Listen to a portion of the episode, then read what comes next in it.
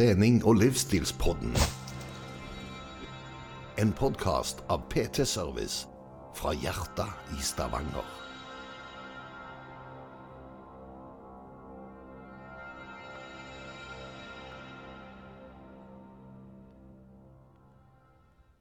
Da er det vel egentlig bare fint å ønske velkommen til trening- og livsstilspodden med meg, Lloyd Jørg Færvik, og Anders, takk for at jeg får lov å komme igjen. Eh, Jeg ser fram til denne dagen, som alle de andre gangene. Det passet så jækla godt. Måte etter jobb, og så på et tidspunkt hvor jeg bare kunne kjøre zupp ifra jobb her. ja, det, var, det, det, var, det var flaks for oss, men uh, litt pga. at jeg har vanligvis kunder på denne tida. Men uh, både sykdom og ferie gjorde at jeg kunne liksom gjøre det såpass tilgjengelig at du kunne komme snikende inn nå klokka, klokka ni på morgenen. da. Så nå spiller vi inn en morgenepisode. Ja, ja, ja. Det, nei, jeg, jeg, syns det var fantastisk bare å kunne komme rett sånt opp. Men jeg ser jo at det er ikke mulig hver gang, og da gjør det bare annerledes. Onsdagene er jo blitt en sånn en, eh, for det, Litt av greia det er litt morsomt. da, fordi eh, Det jeg gjorde da, for å unngå at det skulle bli stress, det var jo eh, og det er jo litt, Jeg har jo da jobber jeg først mandags, altså onsdag formiddag. Så jobber jeg et par timer. Og så skal jeg da eh, løpe sammen med min eh, kompanjong på PT Service. Og så skal jeg svømme. Og så skal jeg tilbake igjen til jobb, og så skal jeg jobbe kvelden. Eh, Så det er jo egentlig den travleste dagen jeg har i uka. Eh, Så det, jeg har egentlig flytta kunder for at det skulle bli mer tilgjengelig for oss å ha podden på tirsdager. Men det har jo blitt onsdager Jo, jo jo, det er blitt mye onsdager. Det, jeg tror det handler litt om det, altså, hvordan jobben min har vært, hvordan det har truffet med din jobb. Og så. Men vi klarer nå iallfall å treffes. Vi klarer det. Og så er det noe med at eh, det jeg kjenner på, er jo selvfølgelig det, det, det gleden. sant? Og det blir litt spenning i det. For i dag så hadde jeg med meg uh, svømmebag, uh, podkastbager, uh, løpebag og jobbbag. Eh, og da er det jo veldig viktig sant, som mann at du kan jo ikke, du kan jo ikke gå to turer. Nei. nei. Så det er iallfall ikke hvis du trener. Nei, nei, det går går ikke. Så da- Alle begene med. Så jeg klarte det. Så du, du hadde ikke sett meg. Du så bare masse bager som bevegde seg. eh, Så det var, en, eh, det var en fornøyelse. Det var, det var stort, altså. Stort, altså. Så hvordan har det gått i Oltedal siden sist? Kjempefint. Du, nå er vi oppe i snart 10 av eh, bygdas innbyggere går på treningssenter eller medlemskap i treningssenter. Og det, det, jeg har sett der er, altså, Jeg er rimelig sikker på at alle de 10 har på et eller annet tidspunkt vært der og trent. 10% av hele eh, Oltedal er Stemmer det.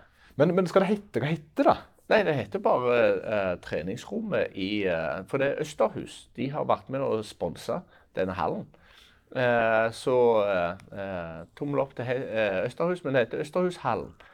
Eh, og så heter det treningsrommet på Østerhus. Jo, men, men det kan jo få en sånn navn på folkemunne. Jeg synes jo at det er helt sikkert. Det, men det, vi har ikke kommet så langt ennå. Anders Skum. Ja, Det jeg jeg, tror det ikke det blir det. Men, Det blir ikke det? eh, Nei, det, Men, eh, men vi må jo ha altså gymmet, altså du kan, Styrkerommet. Det er jo egentlig et fint rom, det. da. Altså Fint navn, det. Det er det. være så enkelt. Ja, jo, styrke, men det, vi ønsker å appellere til de som ikke ønsker å drive med styrke òg. Så da er vi litt der. Så, For alle rommet.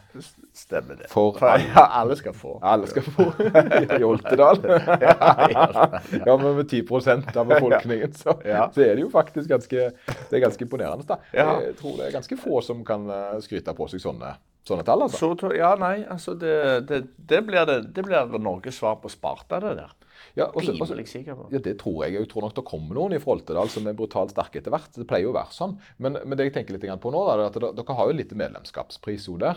Ja. Du skal jo se at det blir da eh, Alle skal få rommet på i Oltedal, som sørger for mest omsetning. Dekker hele hallen etter hvert, dette greiene. greiene det hadde vært, det hadde vært spennende. Vi har jo altså, allerede med altså, 100 deltakere eller medlemmer, så har vi allerede en ganske grei inntekt på de greiene der. Som skal være med å drifte alt, egentlig skal være med å drifte der. Ungdommen holder på på fotball og håndball. og til, nå, hadde jeg, nå var jeg snakket med en i går, for jeg har aldri hatt noen form for kampsport i Oltedal. Men han, han er veldig flink, og han har mange bekjente som er veldig flinke innenfor kampsport. Så han spurte tror du det er mulighet til å lage til. Så jeg, vet du hva, det der synes jeg er en knallgod idé. Skal bringe ideen videre, jeg, og så eh, håper jeg at det òg blir en spor. For det at eh, vi har plutselig en haug med nye muligheter nå. Ja, det er jo kjempespennende. Ja, ja, ja. Så, altså, nå, nå er det egentlig bare å skinne på flest mulig. Uh, Men du- bør få tid. Men du har da kommet ifra jobb, for du har vært på jobb i brannvesenet Ja. uh, i dag. da. Jeg, er litt, jeg tror det er greit å gjenta det. for man kan- jo gjerne, men Vi vet jo at mange hører på oss flere ganger, uh, men det er jo ikke alle som hører. Kanskje noen hører på oss for første gang i dag. og så Ja. At da Anders er brannmann, og jeg er da muskelterapeut. og ja, Jeg er jo ikke personlig trener, som jeg sier, men jeg kaller Coach. meg for det. Coach, ja. Coach Lloyd er vel egentlig greia, som, eh, som er blitt uh, sticky. Folk, Det er jo løye, da, for folk sier jo til og med Coach Lloyd når de ser meg, så det syns jeg er litt morsomt. Hei, coach Lloyd. Ja, de sier det. Når de treffer meg på gata, så har det har skjedd, altså. Ja. Ikke så ofte. Ikke sånn at du liksom føler meg Nei, hvordan føles det? Kjennes det greit ut? Er det, hadde det vært greit hvis flere gjorde det? Jeg hadde blitt litt ukomfortabel hvis noe Hei, brannmann Anders. Eh, Jo, men brannmann Anders hadde du blitt ukomfortabel. Det er brannmann. Ja, ja jeg, jeg er klar over det, men jeg, jeg vet ikke hva det ligger i det. Men det Det slo meg litt grann at altså litt av jobben min er jo Jeg har jo litt, litt, eh, litt annerledes jobb. Det ene er jo at vi spiller inn denne podden her, og så lager jeg klippene til, og så legger jeg det ut. Og så er det jo akkurat det med å legge klippene ut og gjøre den delen der, det, det stimulerer jo den her eh, skapergleden min, da. Eh, men, men så har jeg jo da jeg, jeg har jo en sånn Jeg driver jo med online coaching og fysisk. Hovedjobben min er jo faktisk å trene folk fysisk og drive et senter der jeg har ti ansatte. Det er jo gjerne ikke alle som vet det. Så det, alt dette greiene jeg holder på med her, er jo ikke hovedjobben min. Det er jo noe jeg gjør med, ved siden av. Eh, og det er jo mest fordi jeg syns det er gøy. Så dette er jo den der skapergleden min. Å lage film og snutter og styre på. Det er liksom det som eh, gir meg, eh, ja, meg glede, da. Eh, men det som er, men fra jeg var liten av, så har jeg alltid vært glad i altså, teater, film og skuespill. Det har jeg jo. Eh, og jeg hadde jo en liten drøm om å drive med det når jeg var liten. Eh, og nå, nå er det jo ikke sånn at vi driver med skuespill her, men vi er jo gjerne en litt for høyere versjon av oss sjøl når vi er på. ja. Den skapergleden har du alltid hatt? Jeg, for, jeg, for jeg, jeg var i teatergrupper når jeg var barn. Ja. Så, så det har liksom alltid vært. Men jeg har alltid følt meg litt klein foran kamera. Uh, men det har merka jeg etter hvert har gått litt vekk. Så i helga, da, når jeg da uh, For nå uh, Vet ikke om du vet hvem Cornelis Elander er? Nei.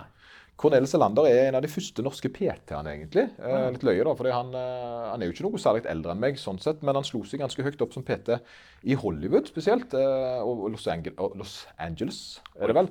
Så han, hadde, han var veldig tidlig ute i mediene, og mye Se og Hør. Han var mye Se og Hør og, og sånt eh, back in the days.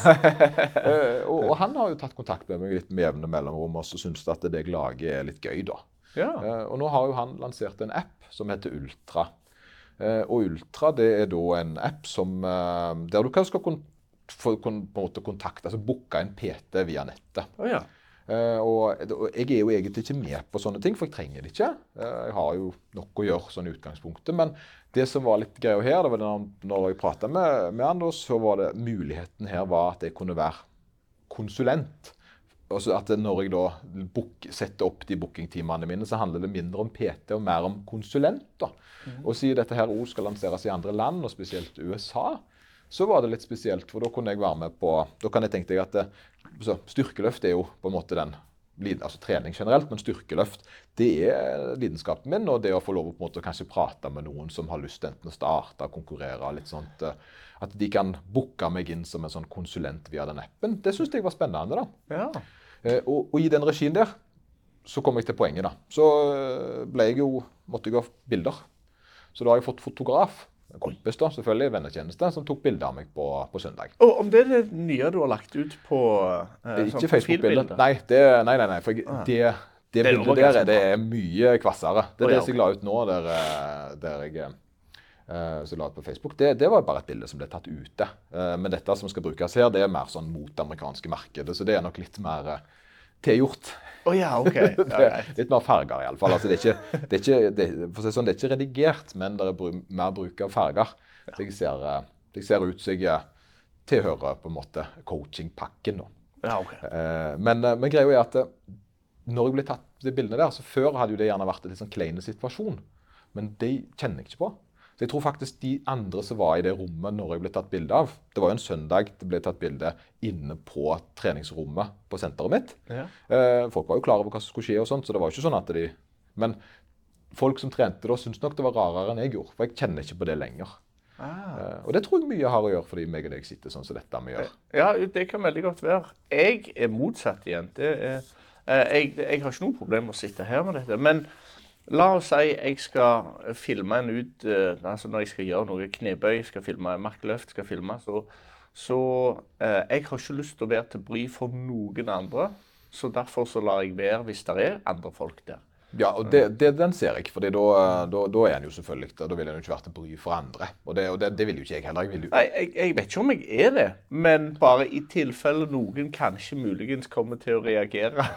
Men det er jo, det, det, jeg tror det er litt sånn gymkultur, tenker jeg. Altså, ja. Det er jo noen plasser der det gjerne er mer vanlig å filme når en trener. Veldig mm. mange legger jo ut på Instagram treningsøktene sine, så det er jo mer vanlig. Eh, og spesielt etter den online-type coachingen kom, så er det jo mer naturlig at folk filmer og sender det til coachen sin, at det er, det er en del av pakken. da. Men, men jeg tror nok gjerne det at en føler seg litt bakpå, at en ikke skjønner den greia der. Men så er det jo hva gym en er på. Mm. Uh, Hvis det er så, for jeg føler jo selv, Hvis jeg skal lage spillene en snap for eller et eller annet tull og tøys, og jeg er ute blant folk som ikke vet hva jeg holder på med, så føler jeg meg litt klein hvis de begynner å snakke til kamera. Ja. Eh, ja. Det gjør jeg jo. For det er ikke rett plass å gjøre det. sant? Vi er jo som oftest i et eller annet studio, da, kall det hva du vil. sant? Vi har liksom, Dette rommet har vi lånt, vi bruker det til dette. og så, så, så det er nok litt annerledes. Nei, for Men, der er jeg faktisk litt omvendt igjen. For at, uh, der, er det sånn, der blir det så tullete at der er det OK for meg. Så hvis jeg går ut blant folk som jeg aldri har sett før, og sannsynligvis aldri kommer til å skje igjen, så kan jeg, da kan jeg godt snakke til kamera. Det er ikke noe problem. Jeg kan gjøre tullete, for jeg bryr meg ikke. Men de som er rundt meg Men uh, hvis jeg ser noen gjøre en uh, utførelse av et knebøy eller og de filmer det, så for meg så er det helt greit. Jeg tenker mm, ja, flott, kjekt for den personen der at de får det til. Så jeg vet ikke hvorfor jeg har fått den for meg sjøl. Du forventer gjerne ikke at andre skal ha den samme tanken som deg. Det, men det gjorde jeg tidligere i dag, for nå er det jo masse snø i Stavanger. Mm. Uh, og så ser jeg syklistene. Så ser jeg de sykle i veien. Mm. Uh, og, og, jeg instinktivt tenker da Jeg skjønner det jo. Fordi det er jo livsfarlig for de å sykle på sykkelstien. Ja. Uh, for der er det snø. Mm. Så, så, så, jeg tenker oi, oi, det ser skummelt ut. Stakkar. Dette går bra. Og så er jeg litt forsiktig. Men som syklist tenker jeg jo Altså, shit, nå øyelegger jeg for bilene bak meg. sant? Jeg må bare komme forbi den der før jeg kommer opp på fortauet igjen, liksom. Ja. Det, men, men, det er jo sikkert noen i andre enden da, som gjerne tenker 'forbanna syklist'. Så, så, det, så, så en vil gjerne unngå, mm -hmm. vil unngå det lite grann, da. Det er det som er, For en vet jo aldri hva en treffer på, hva dag den en, uh, den, hva, den, den en treffer på, har. Det er jo ofte det det handler om. Kan jeg som bare vanlig person uh, gå inn på Ultra og leie coach? Det kan du. Du kan leie meg faktisk eh, nå, så lenge jeg har ledig tid. Så, ja. Men uh, da er det såpass ferskt da, at det er jo en app du må laste ned. Og så må du da se om jeg har ledig tid, og så kan du booke meg rett på. Ja. Så det er litt kult. Ja, men uh, hva, hva, snakker vi om, og hvorfor snakker vi om dette? Nei, jeg tror men, altså, det var Vi sklider bare inn i dette. Oh. Dette er på en måte din bijobb. Jeg vil kalle det Det er ikke en jobb for meg, det er mer bare hyggestund. jeg, jeg holder på med en Segway nå, Anders. Ja. En saftig Segway, bare så du klarer det. Ja, ja, ja, Er du klar? Er du klar? Ja, jeg er klar. Hvorfor snakker vi om det å bli trygge bak kamera? ikke sant? Eh, jo, for vi snakker om dette her å prestere i konkurranse. Mm. Eh, og det er der vi skal i dag. Vi skal jo snakke om det å få til å prestere, og gjerne ikke i konkurranse, men å få framgang og yte når det gjelder. Eh, og det er jo dagens tema. Mm. Så du den? Ja, ja, du visste ikke vi holdt på med en Segway engang? nei, ikke. Trollmann i dag. Nei, altså, for det det handler om, det, det første og viktigste der er jo det at en skal være trygg i scenarioet en skal være i. Ja. Og det blir en jo med å øve. Det er jo på en måte første stikkordet, da. Men uh, la oss nå gå litt dypere i sakene, da. Mm -hmm. Hvorfor skal vi snakke om det i dag, eh, Anders? Det kan jeg fortelle. Eh, for det at det skal komme en konkurranse nå. Det skal være en konkurranse neste uke. På tirsdagen. Da skal det være EM. Uh, og der har du vel en fem utøvere som skal være med og konkurrere. Uh, og for å komme i konkurranseform og for å ha konkurransefokus ja, eller ja. de har det. De har, ja. Vi skal snakke om det. Hvordan får du det? Hvordan får du det? Og det, ja. og det, og det stemmer. Og det, det, var veldig bra manuskript. Det, Anders er fine. Men jeg har, eh, nå er det EM for veteraner i styrkeløft. Det er jo greit. Og EM-veteran, for det er viktig å si det. da, For det er ikke åpen-EM. Har, og veteran det er 40 pluss eh, og opp til, til 2000 år. Minst, tenker jeg. Altså, Så gamle som du kan bli. Da kan du være med i det. Eh, og jeg har faktisk fem utøvere eh, som representerer Norge i EM. I, eh, fire, i tre forskjellige alderskategorier. da. Og til og med min kone, som da skal delta på dette greiene her, det syns jeg jo er kjempestas. Så, derfor blir jeg reisende med. Men det fine her er jo at jeg skal ikke være skal ikke være ansvarlig for de. For når du representerer Norge i et internasjonalt stevne, EM, VM eller noe som skjer ut forbi, så er Norge, fungerer Norge sånn at de har designerte coacher. Og jeg kan være en sånn. Jeg har jo vært det på VM og, og, og EM, der jeg da er assisterer landslaget på en eller annen måte. Men denne gangen så skal jeg ikke det. Så nå skal jeg reise i ens ærend ferie. Oh. Ja, og det er første gang jeg eh, faktisk er med i en styrkeløftkonkurranse og bare er publikummer. Ja. Så det blir ganske spennende. Ja, jeg, for altså. det, jeg synes det, det, det, som er spennende der, er jo faktisk om du klarer det. Jeg er jo, Vi får se. Jeg, jeg, står som hjelpevakt, for å si det sånn. Jeg, jeg, har, jeg, står på lista over de som kan hjelpe til hvis det skulle være noe. Jeg tenker Jobben min blir vel naturlig da jeg tar med kameraene. Så jeg Ja. vil gjerne ta litt bilder av de da. Det Ja. tenker jeg er litt gøy. Har, har du noen plan på hvordan du best mulig kan slappe av? eller? Nei. Det, det, på det, ferie. det, det, det, Feriemodus. Hvor er den knappen der? Eh, Jeg skal være i eh, Malaga, og det er 21 grader. Så det blir iallfall en del løping eh, og sånt. Og jeg tenker jo litt styrketrening og det, men egentlig så ser jeg på dette her som en ferie. Og så får vi jo se hvor nervøs min kone er i den settingen her, da, hvor mye hun klarer å nyte av det. Men, men jeg har iallfall planer om å benytte anledningen. Da kan du nyte av det òg. Så da, ja. ja. Men eh, hva skal vi og det, som, og det som er der, det er at da har vi jo håpefulle folk som på en måte skal prestere på EM. Eh, men det trenger jo ikke være EM. En kan jo gjerne prestere når en skal prøve å springe så fort en eh, kan rundt Mosvannet. Eller Mosavannet, jeg husker aldri. Mosavannet. Vet du hva jeg ble Mosvannet? Mosvannet, ja. Mm. Eh, og det, så, så, Kneiga. Det er Ja. høydemeter. Jeg har finisher-T-skjorta på den på meg i dag. For jeg har klart å sprunge den bakken i, på Mosen. Eh, Men eh, det handler jo om sine egne mål og målsetninger. Og hvordan kan en optimalisere det, eh, og hvorfor skal en optimalisere det. Og så tenkte jeg litt, ok, det var litt spennende tema. Én, fordi det da skjer med de utøverne jeg har. Og to, fordi du er tross alt brannmann. Eh, Så her har vi jo da på lek, som er idrett. For det er litt lek. det er jo, eh, men, eh, Og så har vi da i virkelighet, der du holder på med. da. Det er jo du holder på med sånn på ekte. Ja. ja, ja. Det er på ekte begge deler. Det er bare litt to forskjellige situasjoner, egentlig. Pluss at uh, den situasjonen hvor eh, utøverne skal prestere, uh, de vet veldig godt hva tid de skal prestere. Det gjør ikke vi. Ja, og det, og det, det som er da, det er at um, det, det, det er det jeg syns er litt kult. da, for, det, for, for Nå kan jeg fortelle litt, og så kan du hoppe over og fortelle hvordan du vil gjort, hvordan det blir for deg, eller hvordan, om du kan dra sammenligninger eller andre situasjoner. da. Men eh, det som jeg ser, da, eh, det er at eh, treningsprogrammene jeg nå lager, spesielt til styrkeløft. Men, men, dette går jo over alle idretter. Det er jo ikke bare styrkeløft. Men vi bruker den i dag som malen, og så kan en på en måte prøve å passe det inn i andre settinger. Så handler det jo om det. Hva er det en skal? Jo, en skal være med i en konkurranse der en skal løfte knebøy, benkpress og markløft. Eh, og det sier seg jo selv at treninger bør jo da én være for å bli best mulig i de øvelsene. Eh, det, det på en måte legger vi i bånn. Men, men, så er det de andre tingene som gjerne mange gjør uh, litt uh, feil. da. Det er at de gjerne ikke trener likt som de konkurrerer. Og den syns jeg er litt artig. Ja. Uh, for det er noe som jeg sjøl egentlig var en ganske stor Det gjorde jeg sjøl. og med det så mener jeg f.eks. så trente jeg benkpress, og dere var ikke så flinke å ha stopp. Eh, nå har jeg jo klart å argumentere for meg sjøl at benkpress med stopp det er verdens beste ting. Én fordi det er konkurranseformen. Men to fordi det øker fokuset på brystmuskulaturen når du gjør øvelsen. Så du får faktisk bedre trening for benkpress med å gjøre det med stopp. Problemet når de ikke gjør det med stopp, eh, er jo at de gjør det annerledes når de skal konkurrere. Så det er en annen setting. Så nivået en gjerne er på, fordi det er ikke samme øvelsen.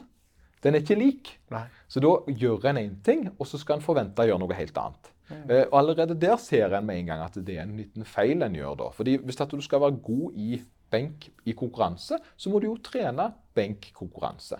Og Det samme gjelder det med bøy. Du må gå dypt nok for at det skal være godkjent. Og i markløft er det svært få som på en måte har noen sånn vanvittige feil. Da Da er det mer sånn låring-type sånn mer tekniske feil som en kan vaske vekk. Men det er ikke så mange. Det er ikke noe stopp der utenom at du skal stå oppreist. Men det er ikke den tyngste delen av løftet. Så den er på en måte litt tilgivende. Men eh, når en da på en måte, så det en skal gjøre, det er jo at en må trene på det en skal bli god på. Eh, og gjerne da i settingen i tillegg. Så, så en ser eh, så jeg tar ofte f.eks. når en nærmer seg stevnet, så øver vi på å gjøre konkurranseløftene. Ikke bare i formen det skal gjøres, men òg kiloene en skal løfte. I draktene en skal ha på seg. Så skal en simulere det. Uh, og dette handler jo om å øve på en setting som en skal være i. og Det er på en måte de første stegene en gjør for å for å være klar for uh, å konkurrere. Har du noe Jeg, eh, nei, jeg skjedde, tenkte akkurat for det at det er utrolig hvor likt dette her er det som vi holder på med når det gjelder trening, når det gjelder taktikk og teknikk. Og dette er noe jeg skrev et notat eller Uh, skriv inn til noe som de nettopp har gjennomgått uh, i brannvesenet, som heter en beredskapsanalyse. Og uh, Noe av det som sto der inni, eller som jeg skrev, som jeg har lest en del forskning på, det er akkurat det at du må, du må trene på samme måten som du gjør oppgaven. og da Bare for å ta et eksempel. det er det at La oss si at du skal inn i et røykfullt hus og hente noen. Hvis du øver på å springe inn i det røykfylte huset, hente det som altså skal være en person, da, så drar du den ut og så legger du den fra deg. og Så øver du på å gå inn igjen og finne den andre. og Så drar du den ut, så øver du på å gå inn igjen og finne den neste. Det som skjer da eh, over tid, det er at det er den greia der du lærer deg. Sånn at eh, hadde vi skulle øvd skikkelig, så måtte du inn, hente noen ut, vurdert de, og så måtte du eventuelt starte en pasientbehandling, eller iallfall en pasientundersøkelse. Eh, og så må du vurdere om du skal inn igjen. Så hvis du ikke trener den biten der, så får du det heller ikke med deg når du skal ut skarpt. Derfor har vi endra litt fokus på å gjøre akkurat de tingene som du snakker om. Vi må trene på samme måten som vi skal gjøre det i virkeligheten. For hvis ikke så er det på en måte vranglære. Og når det første smeller, da, så gjør du enten feil eller det du har trent på, ja, som blir feil. Ja, ja, det er jo fantastisk bra. Ja. konge. For det, det, det, er kult. Da skal vi se på neste. Ok. Så har vi dette her med det som ofte folk gjør. det er det at um, når de da skal gjøre eksempelvis knebøy, så trener de knebøy på en måte, løfter på en måte på altså når de trener. Og så i konkurranse så blir de stressa nervøse. Og så gjør de det eh, på følelse. Eh, og det, så dette her handler jo da om Og dette er jo litt et sånt tema som jeg egentlig vil snakke mye mer om, men jeg vet ikke helt innfallsvinkelen, så jeg prøver denne. Ja. Det, for det som er viktig, det er visualisering. Visualisering på hva du skal gjøre før du skal ut og gjøre knebøy. Uh, fordi at eh, hvis du um, skal føle deg fram til øvelsen, så, så, blir det litt tilfeldig hvordan det går. Uh, og, så Dermed så er det veldig viktig egentlig å ha konkrete eh, plasser en skal en, en skal, hvordan en skal stå under stanga, hvordan det skal føles, hvordan en skal løfte opp stanga, hvordan en skal gå ut bak, og hvor en skal da se på forhånd. Og Dette visualiserer en i, i forkant at en tenker for seg, at en ser for seg disse løftene som en skal gjøre. Hvis en skal løfte f.eks. 150 kg, så ser en for seg hvordan det uh, løftet skal gjøres. Visualiseringen med å gjøre, med, med, med gjøre dette her da, gjør at når du går ut, så gjør du det alltid likt. Eh, problemet ofte er når en blir veldig øsen og stressa i situasjonen, så begynner en å gjøre noe annet enn det en vanligvis gjør. En står plutselig på en annen måte, en står smalere, en ser en annen vei. Uh, en, en slipper, og den er klassisk at en slipper seg ned i bøyen istedenfor å ha kontrollert, hvis en vanligvis har kontrollert. Eller en tar kontrollert hvis en vanligvis slipper seg. skjønner du? Ja, at en gjør det ja, ja, annerledes, fordi plutselig ser settingen annerledes. Uh, og det resulterer jo i et annet, uh, et annet løft enn det en er vant med. Eh, og det, og det, gjør jo ofte at resultatet gjerne ikke blir ønska. Eh, for det handler jo da om å bygge selvtillit over flere løft. Mm. Så du har tre løft i hver øvelse, og da vil du gjerne sikre med første, sørge for at den er rett. Så den bør en da visualisere. Og det er så morsomt, da det var en sånn studie som jeg leste der. sånn, Selvfølgelig. Mm -hmm. Liten en. Men var, de drev og heiv basketballer oppi et nett. Eh, og så heiv de oppi det nettet der, og så var det da tre grupper. Den ene gruppa den eh, gjorde ingenting, eh, og så skulle de prøve. Eh, den andre den hadde visualisert det hive oppi nettet, og den tredje den hadde øvd. Så da var det naturlig at de som ikke hadde gjort noen ting mellom hver gang de prøvde, eh, de eh, fikk ikke bedre resultat.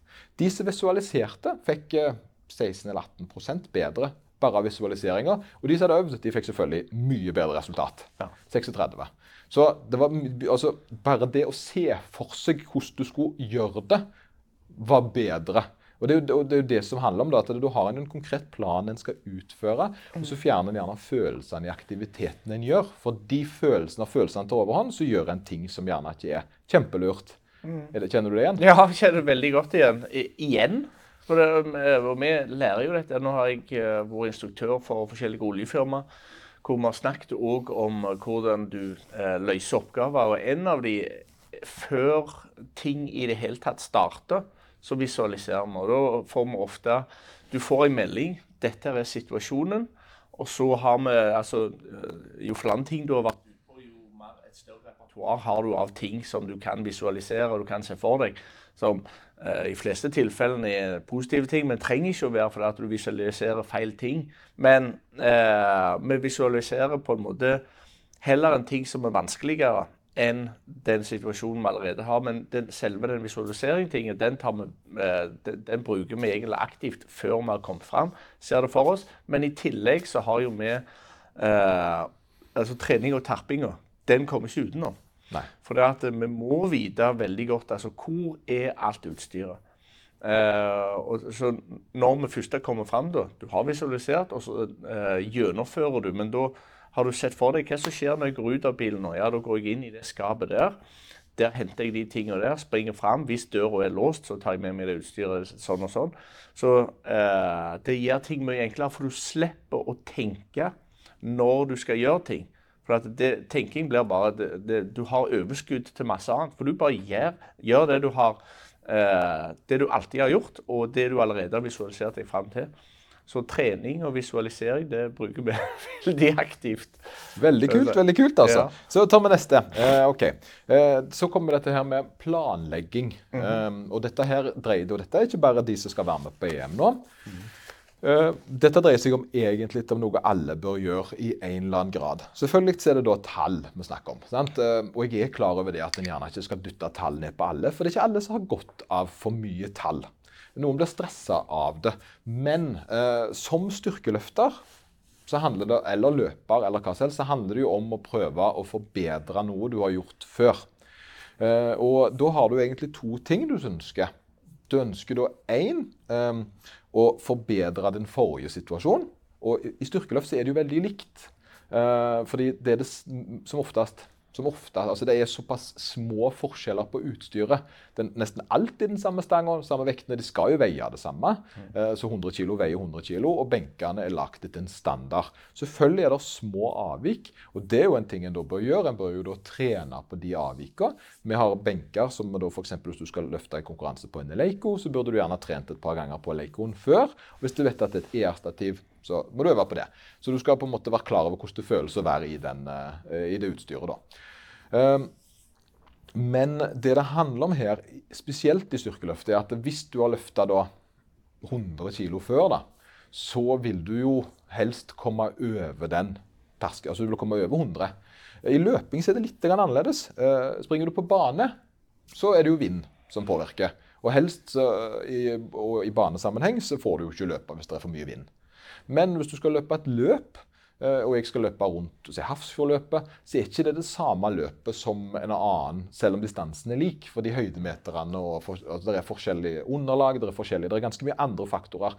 Så, så der har du det med planlegging og mot Hvis jeg da skal være, løpe Hafrsfjordløpet, så bør jo jeg eh, ha en helt annen plan når jeg kommer inn, enn hvis jeg skal løpe fem km på stadion.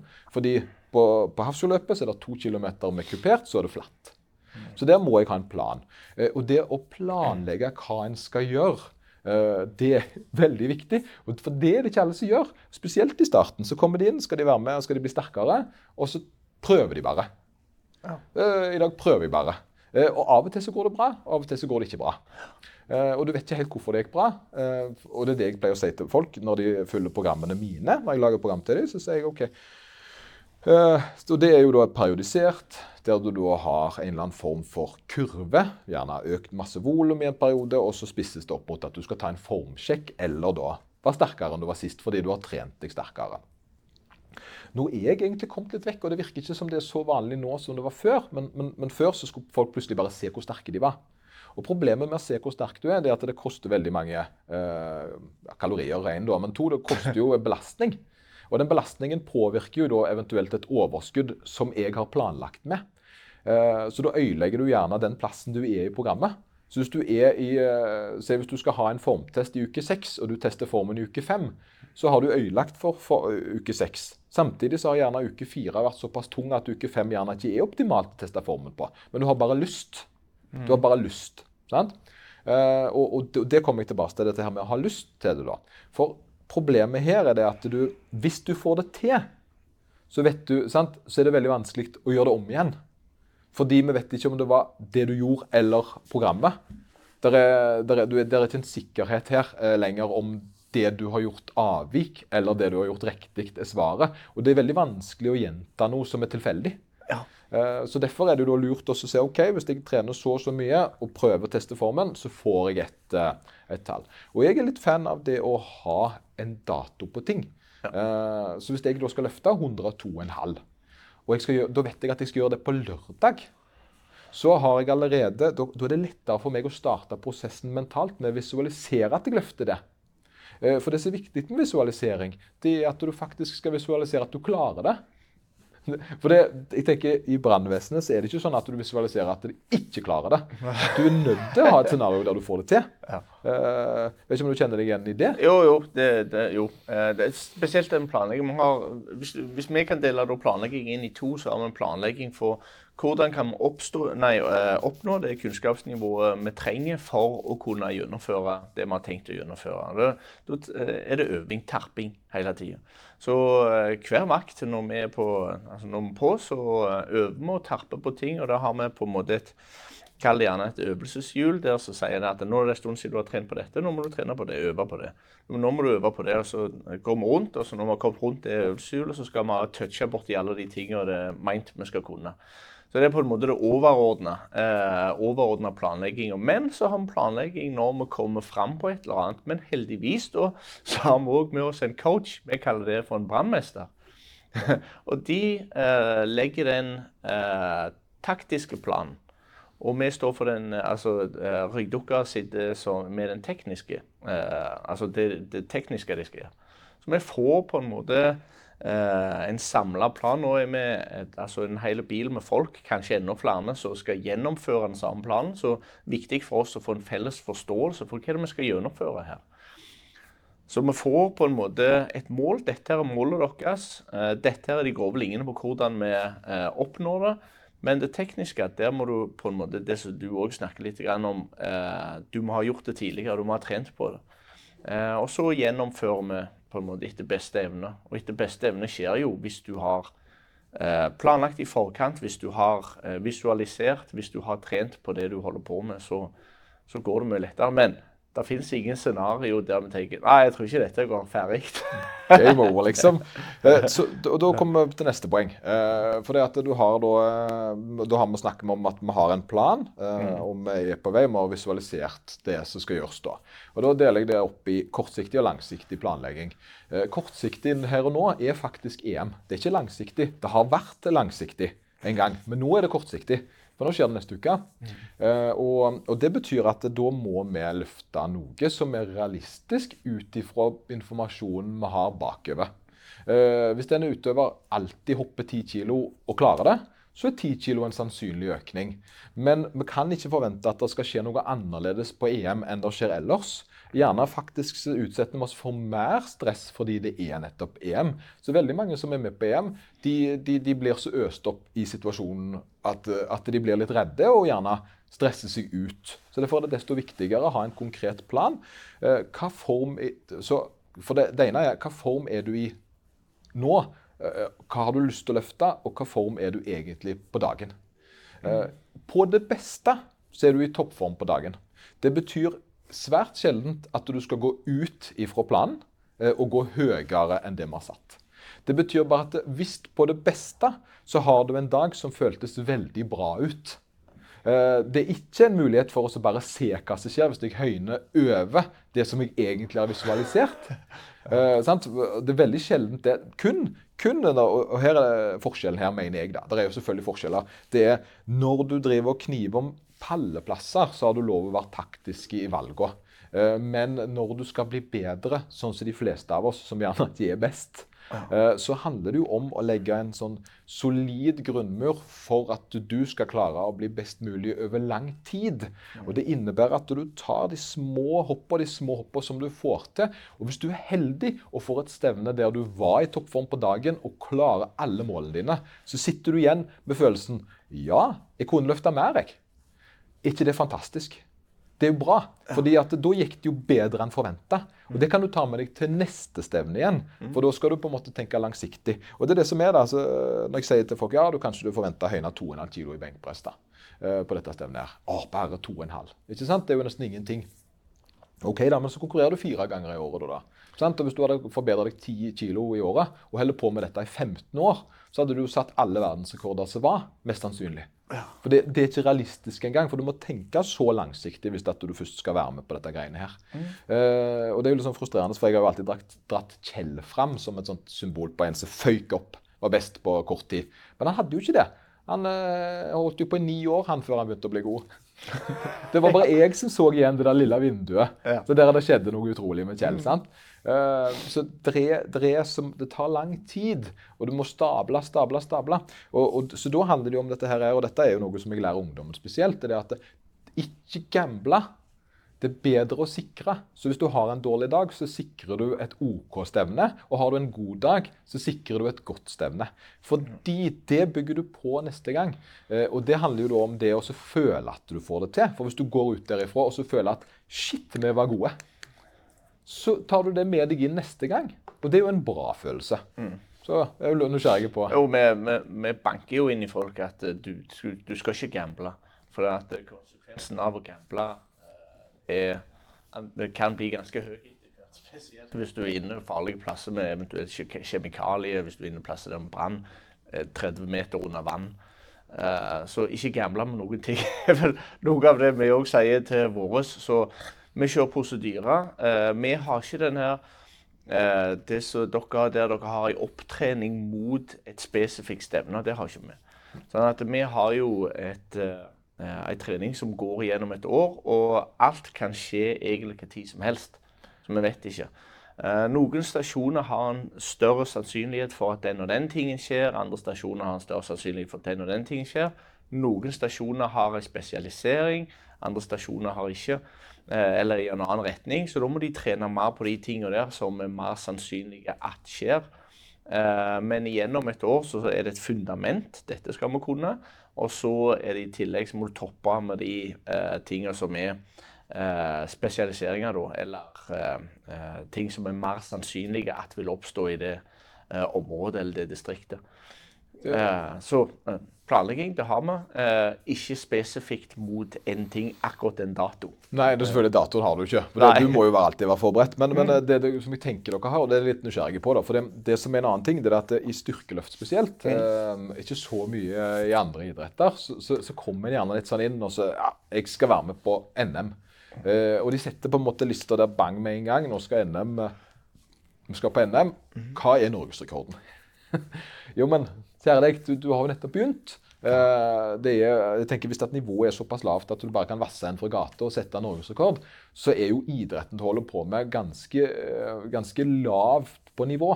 For det skal helst være sånn at det har vært litt, uh, litt pløyd mark før deg. da. og NM og styrkeløft, men styrkeløft er jo en sånn en idrett der det er en litt bratt kurve. Eller det har vært en litt bratt kurve. Så det jeg ser nå som jeg synes er litt gøy, det er at nå må du eh, kvalifisere deg til NM på et regionsmesterskap. Før så kunne du, uh, før så kunne du melde deg på et klubbstevne, som er det laveste nivået. Det er det klubbene har. Løfte én gang, måtte ha lisensen i tre måneder, så kan du være med på NM. Nå må du være med på regionsmesterskap for å kunne delta på NM. Dette er liksom framover, da. Mm. Og det syns jeg er veldig bra, for det plutselig da får du regionsmestere. Uh, og det blir mer prestisje i det, for da har du klubbstevne region NM. Uh, for det folk gjerne ikke skjønner her, det er at uh, jeg skal bli sterk først før jeg skal delta, sier de. Mm. Det, og det skyldig. Skyldig sjøl her. jeg var den samme. Jeg skulle bli så sterk først. Mm. Men problemet er bare det at du frarøver deg den viktigste detaljen. Øve i scenarioer du skal bli god på. Mm. Du kan ikke tørrtrene med brannslangen og så bli brannmann. Det, det blir ikke det samme, fordi du mister så veldig mange spesifikke ting. da. Eh, Men så er dette her med nivåene. for dette, Disse utøverne som nå skal være med på EM, de har vært med på, de har kvalifisert seg. De har hatt nok stevner, de har vært med på NM, RM sånt i mange år, og så har de blitt såpass sterke at de nå kan delta. For det er et kvalifiseringskrav for å delta der. Mm. Og det er jo litt fordi jeg kan se for meg hvis du først skal komme inn i et såpass, så bør det være litt rammer rundt. Og et så stort stevne det har innveiingsprosedyrer, det har klesprosedyrer, det har masse masse regler for hvordan du skal til å oppføre deg, og hvor du skal stå og sitte. Eh, og det får du ikke på dag én, altså første dagen du er. Det, det skal du trenes inn på. Og det er litt nysgjerrig på i forhold til brannvesenet. da, altså det Er sånn, uh, uh, er det noe sånn anelse om de nye? Kan de havne på en like alvorlig sak på dag én, liksom? Ja, ja. ja. Det absolutt. Det kan de. Men vi, vi har egne planer for eh, det aller meste. For det at du har, du har alltid en blanding i et lag. Sånn at uh, i et lag så blir på en måte uh, Alle blir ikke nye. Uh, de, de kommer inn litt og litt når vi mangler folk. Eh, og da blir et lag med én ny satt på ei vogn, kanskje med en del erfarne folk. Eh, og så blir de dratt med, og det, da vil de på en måte erfarne si hva de ønsker, hva de ønsker at den andre skal gjøre. Og så lærer de seg de tingene her. Og det, i brannvesenet er det sånn at det er ikke det er én som er best på alt. Det fins ikke. Du, vi, har, det, vi har så mange ting vi holder på med. altså Vi har eh, hurtigfrigjøring og bilredning, vi har dykking, vi har overflateredning, vi har brann- og røykdukking, vi har tauredning. Så det finnes et helt repertoar av ting vi skal kunne. Og så har du folk som har interessert seg voldsomt. For de tingene de interesserer seg for, de tingene blir de naturligvis litt flinkere i. Så jobber de seg opp over tid. Og de blir flinkere og flinkere på de tingene som de øver mye på, naturlig nok, og leser en del om og går på kurs om. Eh, og, altså, så er det samme i andre enden på et helt annet fag. Der, der er folk som leser seg opp og øver seg opp og driver masse med det, så blir naturligvis flinke. Så hvis du kommer inn som ny og kikker at oi, han var voldsomt flink på det, så flink skal jeg òg bli, så bare vit at det tar tid. For det han har gjort for å komme seg der han er, det har tatt litt. Ja, det har tatt litt tid. så det å komme inn, Jeg tror det er ingen som kommer inn og tror de skal bli best i alt. For det, det er ikke mulig når det er så mange flinke folk som jobber der, og de er kanskje litt grann flinke på, eller, eh, på sitt felt med eh, På en måte med, eh, komplementere en annen, ikke det det heter? Ja, ja, det er litt annerledes her, for det her skal Ja. en ikke vinne over den andre igjen. Nei. Her skal en jo, men Det er det, det, teamwork. det er jo det med lag uansett. da. Dere blir jo bedre Så- sammen. Eh, og det handler jo om dette her med å være rundt folk som ønsker å løfte deg opp. Det er jo en veldig viktig ting. Ja. det, og, det, og det er jo litt synd å si det, men en bør gjerne være rundt likesinna. Ellers så føler en seg litt dum. Eh, og spesielt hvis en skal yte veldig godt i konkurranser, så bør en gjerne være rundt der folk enten har altså det er jo det jobben min som coach er jo å, å, å å forklare de hvordan de kan bli bedre og få det til, og være den som på en måte Ka- Ofte er jeg selvtilliten til utøverne. Det, det, det er en jobb jeg av og til bærer. Men det, men det kan jeg jo fordi jeg kan komme objektivt inn og si at dette har du fått til. Og hvis jeg har gjort jobben min rett, så er jo den stigende kurven der ganske synlig. eh, For den kan jeg vise. Men eh, samtidig er det noe med å være folk, rundt folk som vil deg vel. Da. Det, er, det er få ting som er mer kraftfullt enn folk som heier på deg. Og det merka jeg sjøl her. Jeg, var ute og trente sammen med en kompis. Og, uh, det er sjelden jeg trener styrke sammen med en kompis. og han han er ikke så erfaren som meg der. Han har ikke holdt på så lenge. Så det er klart han løfta ikke så mye. Men likevel så Og det gjør jo ikke noe. Eh, men når han da så på hva jeg gjorde, så skjerpa jo jeg meg for det. jeg ville jo vise at jeg sant? Ikke for å vise meg fram, men fordi da ble jeg litt mer opphengt i at dette her skulle være For han tok seg godt ut, og da skulle jo jeg gjøre det. Jeg skulle jo ikke tulle. liksom. Jeg skulle vise at jeg tok dette her på alvor. da. Så da ble jo treninga mi bedre. Og det ser en det. Og det er jo sånn når en ser på en måte på eh, disse effekten av å bli sett på, å få positiv feedback og få feedback generelt, så er det veldig viktig. altså. Så du skal være rundt folk som vil eh, løfte deg opp, og ha deg med opp også. og, og få dette sammen. Og Det tror jeg nok eh, en har ganske stor del av i brannvesenet. Ja, ja, ja. Teamwork makes the dream work, er ikke det det heter? Det for at eh, Uansett hvilket nivå du kommer med, om du kommer til, altså det første dagen din som ansatt Du er, altså, du er et supplement for resten av laget. Men laget har bruk for deg uansett. Og det er det samme om du er førstedagen eller om du er på det 10.-20. året. Vi er på en måte et lag, og vi fungerer dårligere uten deg.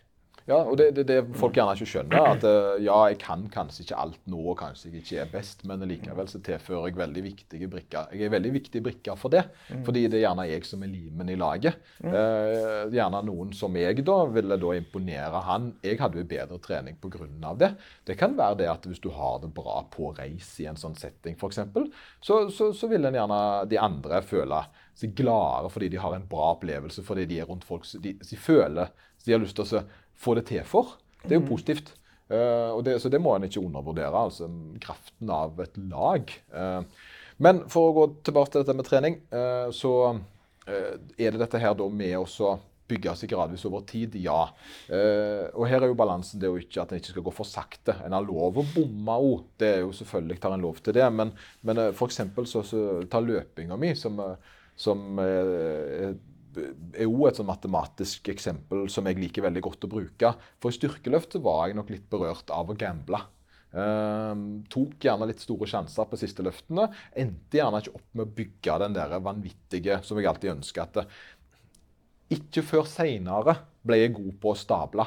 Og stablinga gjorde jo at det ble mye høyere det var litt sånn når jeg begynte å tenke igjennom hvordan jeg bygde den der mm. grunnmuren, så ble han mer robust. Den gikk jo mye høyere.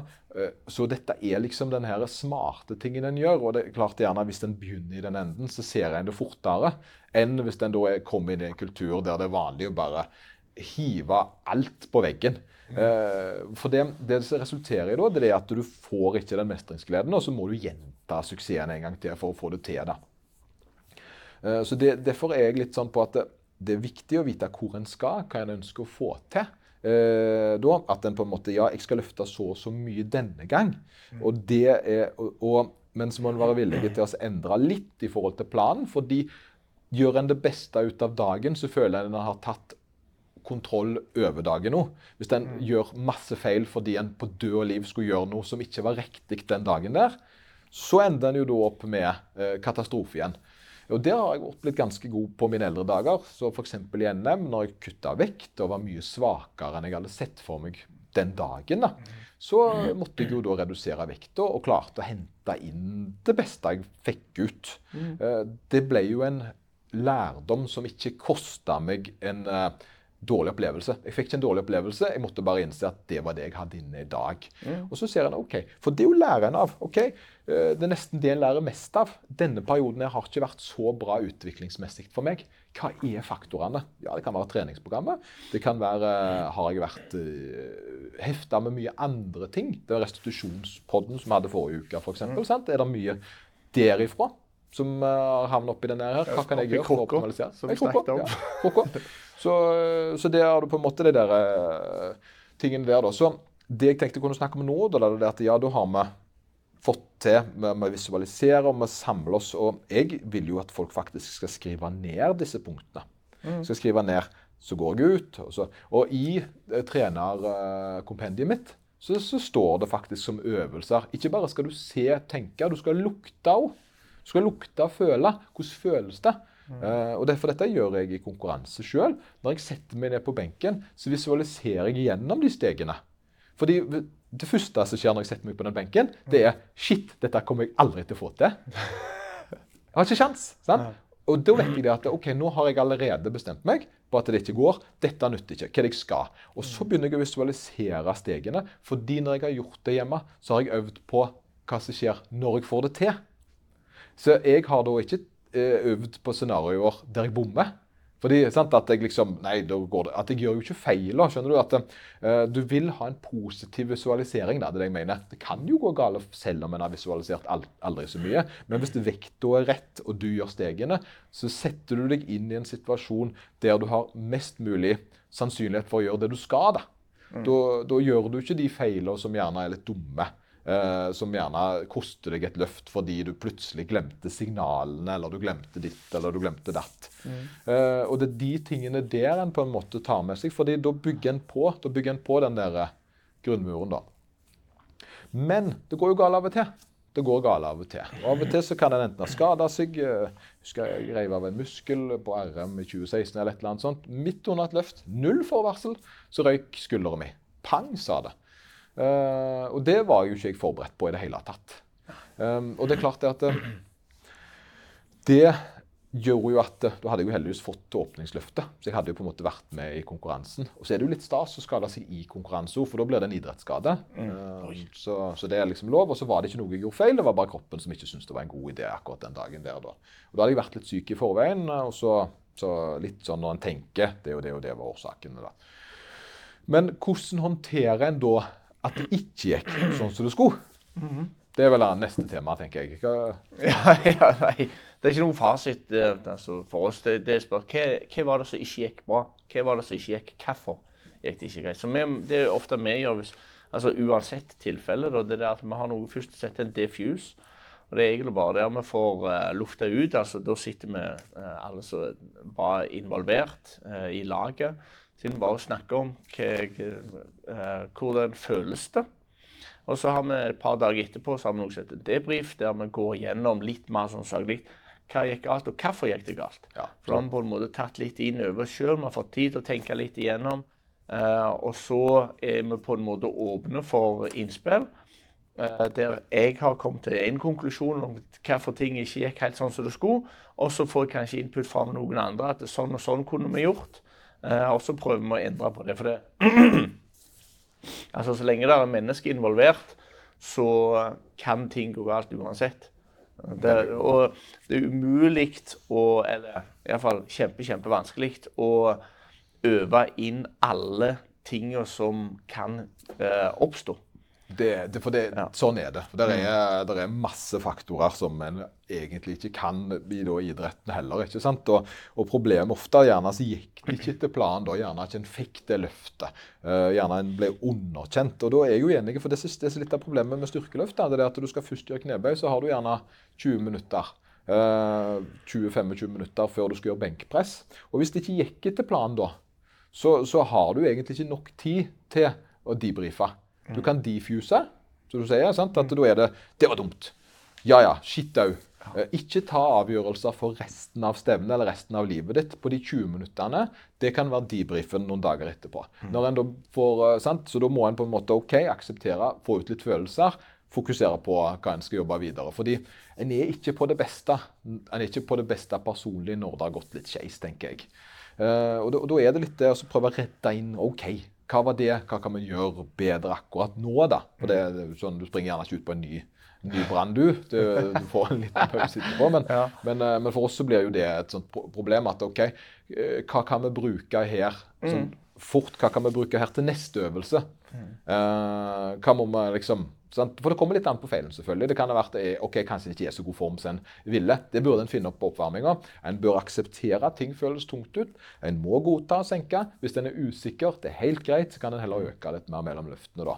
At en bremser litt ned istedenfor å gasse på når en føler seg usikker. Det er vel det jeg tenker. Ja, jo. Det, det, måte, det handler, for oss handler det jo mye om eh, å anerkjenne. Hvis det har oppstått en feil, anerkjenn feilen. Eig den. Og så kan du på en måte, når du har eh, godtatt at det har oppstått en feil, og du vet hva feilen er for noe, så har du mulighet til å endre på den. Hvis du ikke eh, engang anerkjenner at det har oppstått en feil, ting bare er sånn, så, så lærer du heller ingenting. Og da er jo, eh, da er jo hele altså missen i eh, konkurransen òg altså, du er bortkasta hvis du ikke tror du gjorde noe feil, men det var feil. Ja, ja, Hvis du ikke lærer noe av det, så er det jo i alle fall dumt. Det. Så det, men den, her, den som jeg har fått litt mye skryt av, det er jo den her gangen jeg var i Tønsberg på triatlon. eh, Ut ifra den dokumentaren der det skar seg med sykkelen, og så valgte jeg da å løpe for det. Og da tok jeg, Det jeg følte jeg gjorde der, var jo nettopp det å ta kontrollen tilbake til meg igjen, istedenfor liksom OK, da bare gir jeg opp alt, da. Et annet eksempel på det som jeg gjerne er litt sånn usikker på om andre folk hadde gjort. Fordi jeg, eh, jeg lever jo livsfarlig om dagen. Jeg har jo fått meg ny drone. James eh, Bond, vet du. så jeg har fått meg ny drone, og så eh, var jeg ute da, og skulle selvfølgelig få litt B-roll til disse, disse, disse snuttene jeg lager. B-roll er det der som går i bakgrunnen. Da Da skal jeg ha meg og Ruben med ut på, på tur. eh, Og jeg har fått min ny. Jeg kjøpte den der eh, Mini Pro 4 nå. Jeg hadde treen fra før og fikk den i midten av januar. Og så løpte vi da på Lillestokken. eh, og så skal Den her, den har jo sensorer overalt, så den skal egentlig få godt med seg hva som foregår. Mm. Men problemet er at den er ikke så god på kvister, viste det seg. det, det står ikke i bruksanvisninga. Nei, men jeg burde vel gjerne ant ugler i mosen, for han holdt på å snitte først én gang. Og så, når han da kom springende etter oss, for det gjorde egentlig ikke så mye, for det om han detter litt i bakken og sånt, så er han lagt for det. Men problemet her var det at han skulle være lur, da. Så han tok en, uh, tok en venstresving på et tre. eh, For han skulle liksom lage et kult shot eller et eller annet. Gudene vet hva han fant på. For mens han fulgte meg. Og så traff han en kvist, og så datt han i vannet. Ja. Uh, og da var jo den Da var den ødelagt. Ja. Da smalt det, for å si det sånn. For det var påskrudd elektronikk og vann. Not a good combination. Så da begynte han bare å lyse, for å si det sånn. Sånn. Så da måtte jeg uti og hente den. Så måtte jeg ut i myra i Lillestokken i, uh, tidlig i februar og hente min ødelagte drone. Uh, veldig kjekt uh, etter 14 dager. Men her er det jo da Hva gjør du, da? Godtok situasjonen. Selvfølgelig faen. sant? Jeg måtte banne litt. Og så eh, tok på meg skoene igjen. Jeg hadde da søla opp til livet nesten. Og så løpte jeg 12 km til sammen med Ruben. Uh, hadde den uh, drona på i ryggsekken. sant? Uh, kunne ikke bruke den mer, den var ødelagt, så det var jo ikke noe tvil. Men jeg kunne jo bare gitt opp, gått hjem og vært sur. Men jeg valgte da å fullføre det jeg holdt på med ellers. da. Uh, Selv om turen ble litt prega av det. Eh, Så kom jeg hjem, og så hadde jeg jo selvfølgelig heldigvis sånn actionforsikring som du får på disse dronene. Så den dekka jo Actionforsikring. Ja. Oi. ja, DJ, ja, men De har egne sånne care, sånn at du, du kan miste to droner til uhell. I året, faktisk. Oi. Ja, eh, Men du må kjøpe nytt etter et år, da. Så jeg vet ikke. Men problemet her var at den dekka brukerfeil, eh, kollisjon, eh, dropp, eh, fall og teknisk svikt. Så jeg fikk på en måte alle. Jeg er ikke, ikke 100 på om det var brukerfeil, altså, fordi han gjorde jo egentlig noe sjøl. Men, men han, jeg, han, jeg lå godt innenfor forsikringa, så da får jeg jo en ny drone. Ja. Så, så sånn sett så på en måte tok jeg litt kontroll over situasjonen, selv om det var bittert, selvfølgelig. Måtte sende den inn nå til Nederland, så skal jeg få en ny drone derifra, forhåpentligvis. Ja. Eh, men, men det handler jo litt om da, ok, eh, det å så klare å akseptere det. og så sant, løpte våt, men da ble jeg jo tørr. Så det var jo bedre det, egentlig. enn eh, Jeg var jo ikke kald.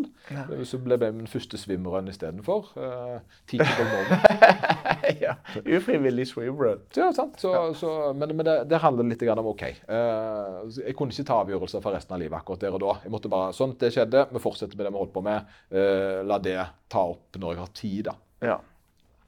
Så det, det, så det, det handler nok veldig om det en holder på med, at en ikke på en måte tar en akutt følelse som egentlig For det er nesten så en vil straffe seg sjøl litt grann hvis det går dårlig. Eh, og det, det, det har jeg hatt en vane for før. At jeg liksom bare Uff, nei, nå gikk det bare drit. Nå skal alt gå drit. Akkurat som du liksom på en måte bare skal fylle på og bare Jeg husker det var en, en jeg som hjalp en gang. Så sa hun uh, Da det ikke gikk helt 100 eh, på et sted, på ett løft Det går alltid feil for meg. Å ja. uh, og det syns de var litt trist, da. Eh, fordi uh, det gjør jo ikke det. fordi her var det jo snakk om ganske høye, tunge kilo som ikke gikk den dagen. Ja.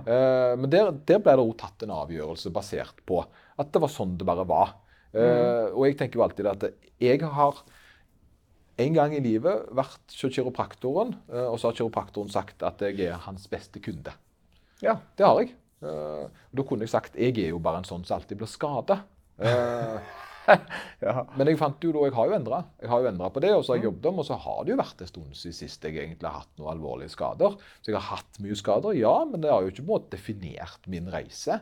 Så jeg har klart å bryte ut av mine mønstre som gjerne genererte disse situasjonene. da. Ja. Så det er noe med å ta til lærdommen, ikke ta avgjørelser når du har det litt drit, og så eh, satse langsiktig. ja.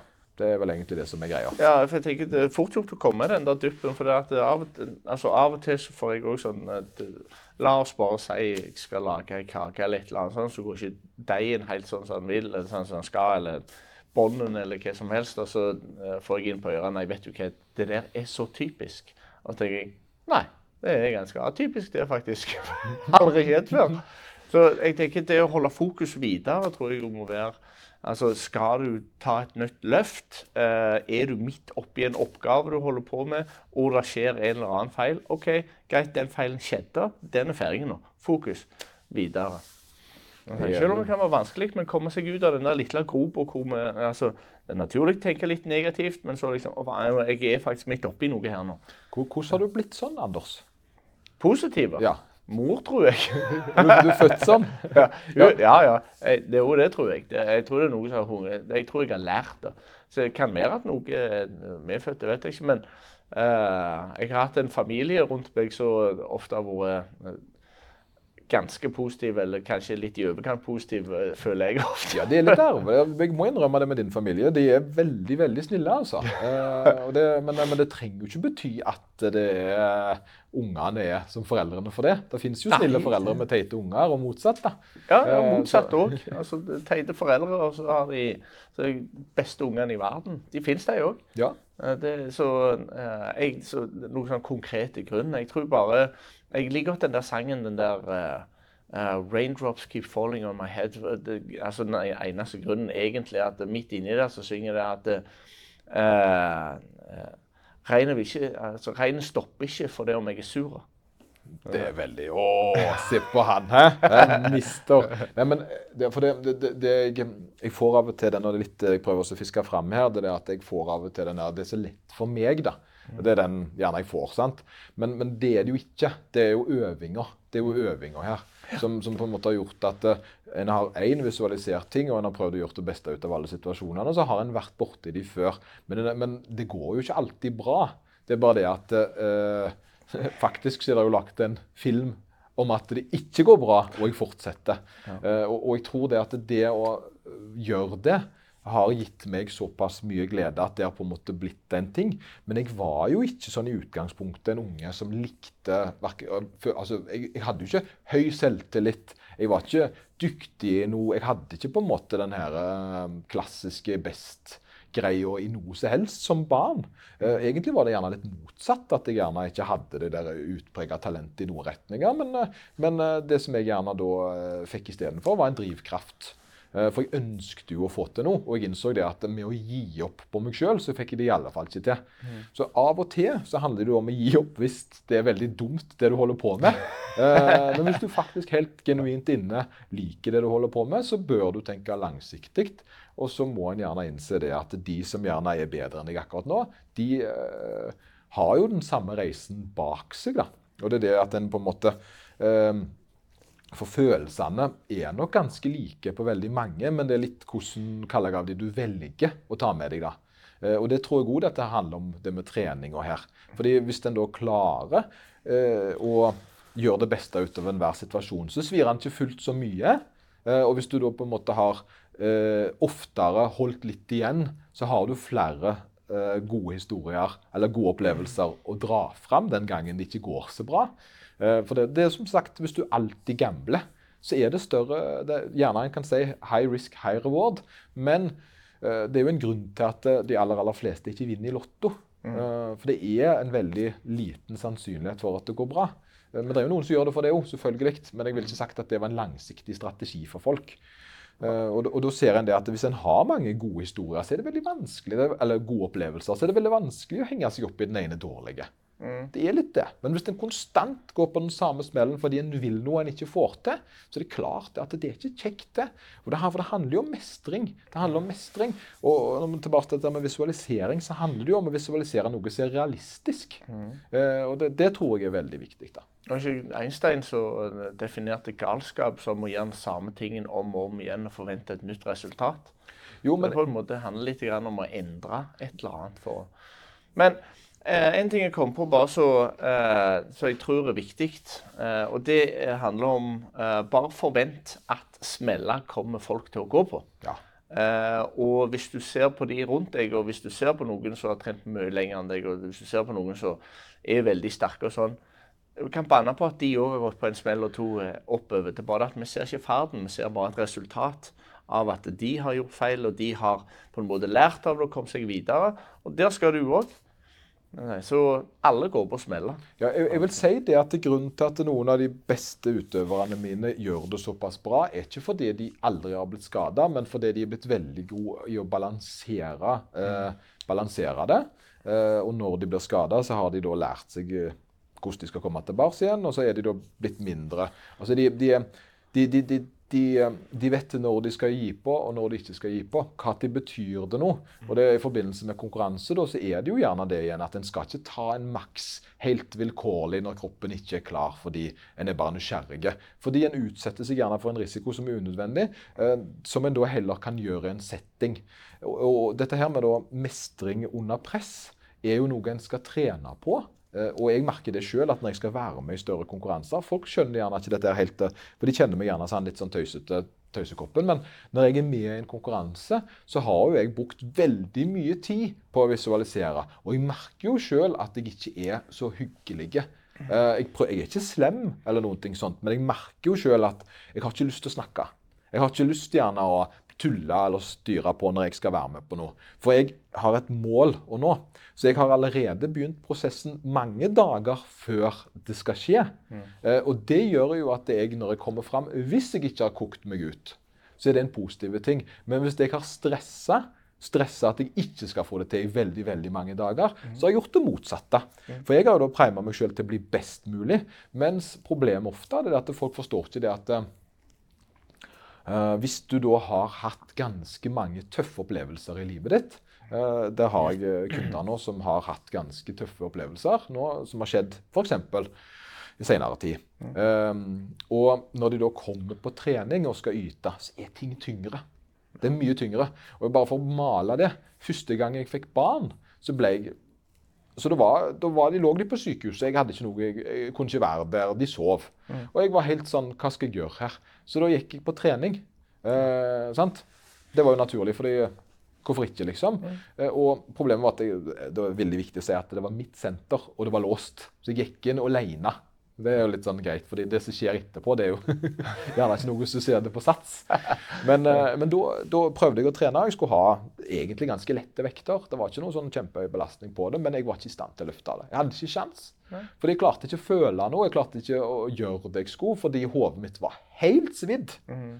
Så til slutt endte jeg opp med å gjøre knebøy i bokseren fordi jeg måtte føle og prøve liksom å skru på litt. Det hjalp ikke, men du skjønner hvor gale det var. da. Jeg forsto ikke med en gang at det var den utmattelsen av alle inntrykkene jeg hadde hatt på forhånd, som hadde ødelagt for den dagen der. Og det er klart at Hvis du da kommer i en eller annen konkurranse, og da ligger oppe og krangler og skilt deg dagen før, så vil det påvirke.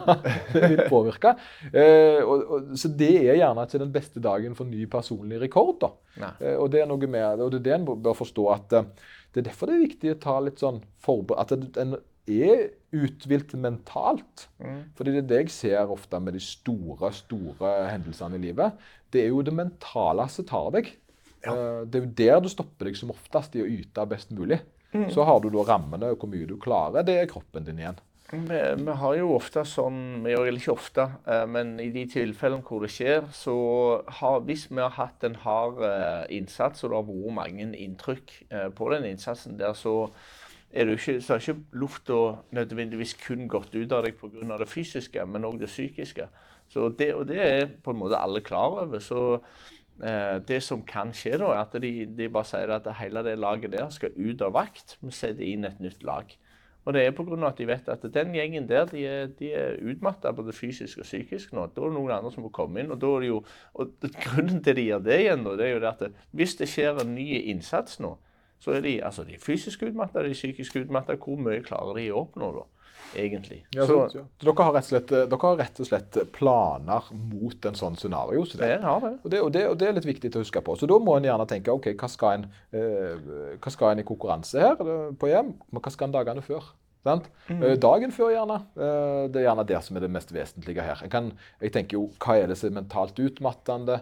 Uh, en bør på en måte legge opp disse tingene. Da. Og de som er veldig gode, de vet jo, de starter jo den prosessen her tidlig med visualisering med, med, med, denne, med den delen her. Det er jo en ting en øver på å bli veldig god på. Og, mm. og etter hvert så skjer det gjerne For meg så er det jo ikke, jeg sitter jo ikke og skriver ned på et ark lenger, men jeg merker jo veldig tidlig uka før gjerne at prosessen mot konkurransen er i gang. Jeg begynner gjerne å snakke mer om det som skal skje, og jeg ser for meg hvordan jeg tar i og presser og jobber. og alle disse tingene. Det begynner ganske tidlig. Mm. Uh, og det resulterer jo gjerne i en ekstra stor glede når jeg kommer ut andre enden og får det til. Men jeg hadde jo ikke klart det hvis jeg skulle liksom snudd meg rundt og tatt et nytt løp. Jeg hadde ikke hatt sjans. Og heller ikke i styrkesammenheng. Uansett hvor uthvilt fysisk jeg var, så hadde det mentale vært game over. da. Ja. Så, så der har du litt med det at du eh, trener på det du holder på med, og så sørger for at du, eh, at du skjønner alvorligheten av å være mentalt til stede. Så da kommer av, det siste avslappingsteknikker, tenker jeg. Du må ta den til slutt. Ja, ja. Har du noe sånt? eh? Avslappingsteknikker? Ja. Mm, Nei, vi jobber jo en turnus som gjør at du altså, vi har muligheten til å avslappe. Jeg har jo begynt i det eh, siste tida å høre på sånn avslappende musikk, jeg. Altså bare sette meg tilbake altså, og ikke gjøre noen ting. Det, jeg tror bare Jeg har ikke lov å si at vi har snakket om det tidligere. men det som har skjedd, er at eh, når jeg mener jeg har ikke lyst til å gjøre noen ting, så mener jeg ingenting. Jeg har ikke lyst til å fikle med noe. Jeg har, til, jeg har egentlig lyst til å bare sitte i ro uh, og høre på en eller annen avslappende musikk. Det er en god måte for meg å bare uh, wind up, holdt jeg på å si. Eller det er bare eh, slappe av. Eh, sove syns jeg jo er kjempetopp. ikke alltid jeg klarer det, men eh, På jobb, da. På jobb. eh, ja, du, ja, ja, ja. Altså, det, om det er på jobb eller på Men bare det å komme sammen med noen og snakke med noen, det syns jeg òg Over en kopp kaffe. eh, det er òg altså, det for meg eh, veldig godt. Jeg sier ikke det passer for alle, men Nei, men det var, en, det var tips jeg. Det var, en, var en lege som sa det der, for det er noen som har hatt det ganske tøft. Og da legen sa det Uh, Har du snakket med noen? Nei, jeg ville bare være i fred. Uh, ring en venn. Du ringer en venn nå og avtaler å gå en tur.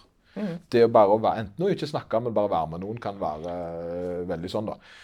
Men, men for meg da, så handler det gjerne litt om dette her med å prøve å ikke lage scenarioer der alt går, til, går rett vest.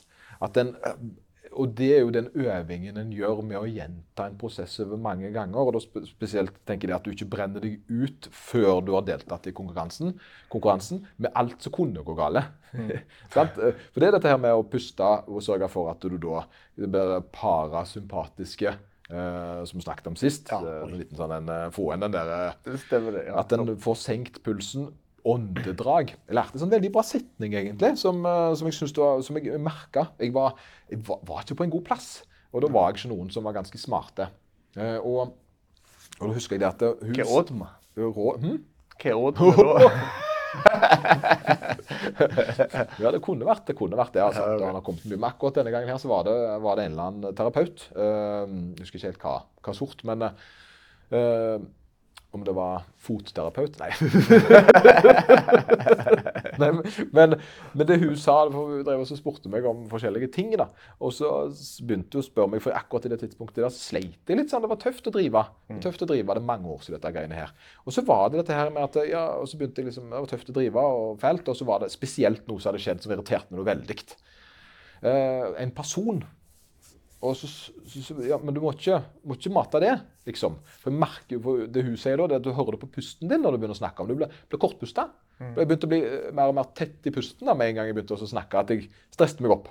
Uh, og, og, så, så pusten din må ut og fram. Du må åpne opp og ha store åndedrag. Og dette med ånderett er jo større og større populært. Sant? Det å puste. Så jeg har jo senere gått på pustekurs og alt mulig. Men en, det å gå rundt og tenke på fæle ting som har skjedd seg, det, eller da, sant? å lage de der negative sakene her Hvis en kjenner en gjør det, så kan, er en gjerne litt Da driver en da, og så øh, gjør det verre for seg sjøl. Så da må en prøve å åpne opp og så tenker jeg at en skal trekke inn mer luft og roe ned. og så At en skal puste lengre. da. Så det sånn, og Dette er faktisk noe som sto i trenerkompendiet. Dette er det med åndedraget. Eh, å prøve å hente ned. For det at du har ikke, det er, det er ikke smart for deg å stresse og øse på alt som kan gå gale. Du må heller visualisere på hva som er bra, og prøve å få ned pulsen. Fordi da har du tilrettelagt eh, mest mulig for suksess. For det er jo det du vil ha. Du vil jo, ja, Det er jo det. Ja, stemmer det. Er det good, Anders? Ja. Skal du kjøre eh, game over? Uh, OK, Uh, følg med på alle de sosiale mediene. Uh, lik og del og kommenter. Eh, TikTok Nei, jo, TikTok, Facebook, Instagram. Har du noen flere? nå? nei, nei, jeg tror ikke det. Jeg tror det er vel alle det? er det ikke? Ja, det er de beste. OK, takk for oss.